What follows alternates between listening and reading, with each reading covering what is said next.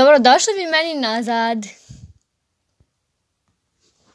Vjera je nešto što čovjek treba da se pouzda. Vjerujem u Boga cijeli život, ali vjera se povećala od moje 16. godine kada sam proživjela saobraćajnu nesreću. Taj dan je bio praznik Svetog Nikoli. Razlog zbog kojeg snimam ovakvu vrstu podcasta je da proširim duhovno znanje iz perspektive ovakvog čovjeka.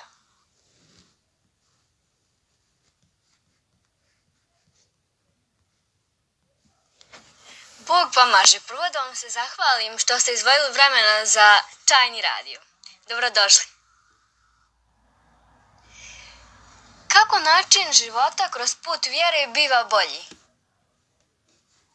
Pomaže Bog. E, drago mi je što, što sam se odazvao i čak što više i zadovoljstva. Da pohvalim i vaš rad, posebno što svačam da ste veoma mladi. Pa ću se potruditi da budem iskren i da, da se nadam da će nekome ti odgovori značiti. Pa da počnemo e, na ovo vaše prvo pitanje, rekao bih, e, pa biva bolji. Jer sve što radite prispitujete kroz Božje zapovijesti. A samim tim kontrolišete sebe da ne činite grijehove. Ili se bar trudite da ih svjesno ne činite. E, kao na primjer, da ne ogovarate nekog, da se ne gordite. Kroz put vjere shvatite da ona pjesma, vjerojatno ste je čuli, uzmi sve što ti život pruža, danas je cvec jutro ruža, nije ono što treba da je nije ono što treba da je put, to je prava življenja. Treba živjeti tako da budete ruža i sada i u vječnosti. Da vaš miris ostane ugodan i sadašnjim i budućim generacijama. Samim tim E, i vama i vašoj duši u carstvu nebeskom bit će ugodnije. Hvala vama puno i meni je čast. Šta je čovjek po vašem mišljenju danas izgubio u smislu kvaliteta? Mislim da je izgubio, da je izgubio intimu, jer kroz društvene mreže e, sve svoje, gdje je bio, šta je jeo, E, s kim je bio iznosi vetar i to više nije intima. Mislim da je čovjek izgubio porodične razgovore. Uzročnik je nekad bio TV, koja je bila centralna ličnost dnevnog boravka, a sad su to već telefoni. Jer svako gleda u njega, ne bi li pročitao ili vidio šta se negdje dešava ili s nekim. Želim reći da mediji mogu biti izuzetnog kvaliteta za život, a isto tako čovjek kroz medije i gubi društvene mreže. Sve ti je dato, ali ti nije sve na korist, tako je rečeno. Slažem se s vama što se toga tiče. Internet je i dobar, koliko je dobar, toliko i nije. Kako objašnjavate vašu vjeru? Vjeru sam ušao kad sam shvatio da sam srećan. Srećan toliko da sam se prepao tolike sreće. Iako nisam bio u vjeri, shvatio sam da je to Božja milost, to jest blagoslov. Tako da sam moje znanje o medijima iskoristio da moju sreću koju sam doživio kroz vjeru, moje prihvatanje vjere kao pravila življenja, a blagoslovom duhovnika oca Predraga Šćepanovića prenesem u eter preko sajta, stranica, to je društvenih mreža. Kroz vjeru sam shvatio i kako je važna duhovna veza između ljudi koji su u vjeri. Vjerujte da imam braće i sestara iz crkve koji im znače veoma, veoma mnogo u životu, koji mi krvno nisu u srodstvu, ali duhovno jesu i to je duhovno mnogo dominantnije nad krvnim.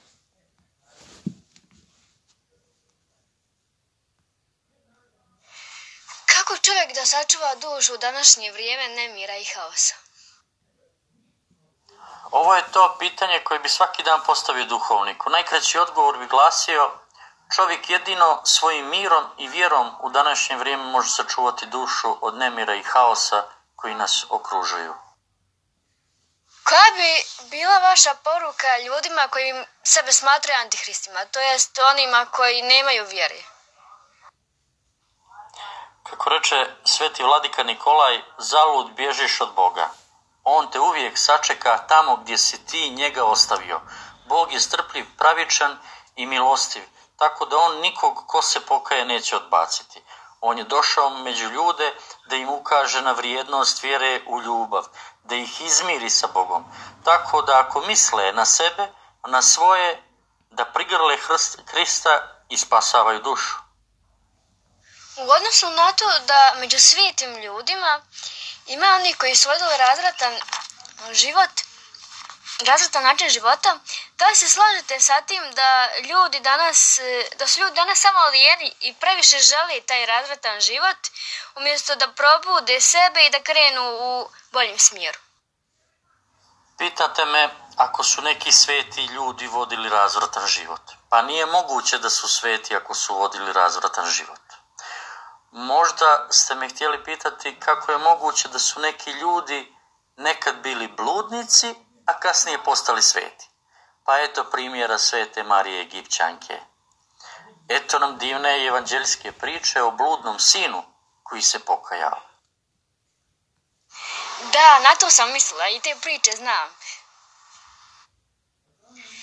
S obzirom da se rađaju sve gore i gore generacije, što je poručili djeci kako bi bili bolji? Poručio bih na prvom mjestu roditeljima, ali ne kroz moje savjete, kroz ono što su nam sveti starci ostavili u vidu poruka.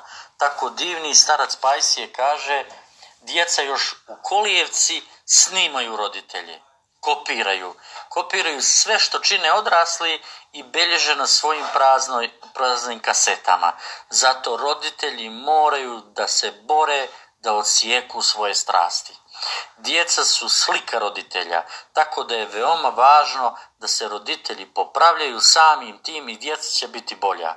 Djeca su Boži blagoslov, Gospod će nas na strašnome sudu pitati kako smo ih vaspitali. Ljudi inače vole svima da se dokazuju, rade više za druge nego za sebe. Sve kako bi neko bio zavidan. Što vi mislite o tome?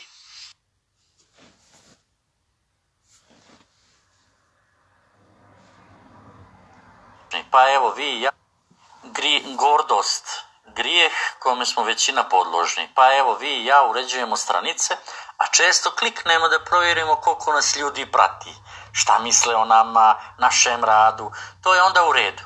Ali ako počnemo da govorimo, e vidi koliko mene ljudi prati ili koliko mene više slušaju, e onda je tu problem jer smo samim tim postali, postali gordi i podrugljivi drugima, da bi nam drugi zavidili naravno.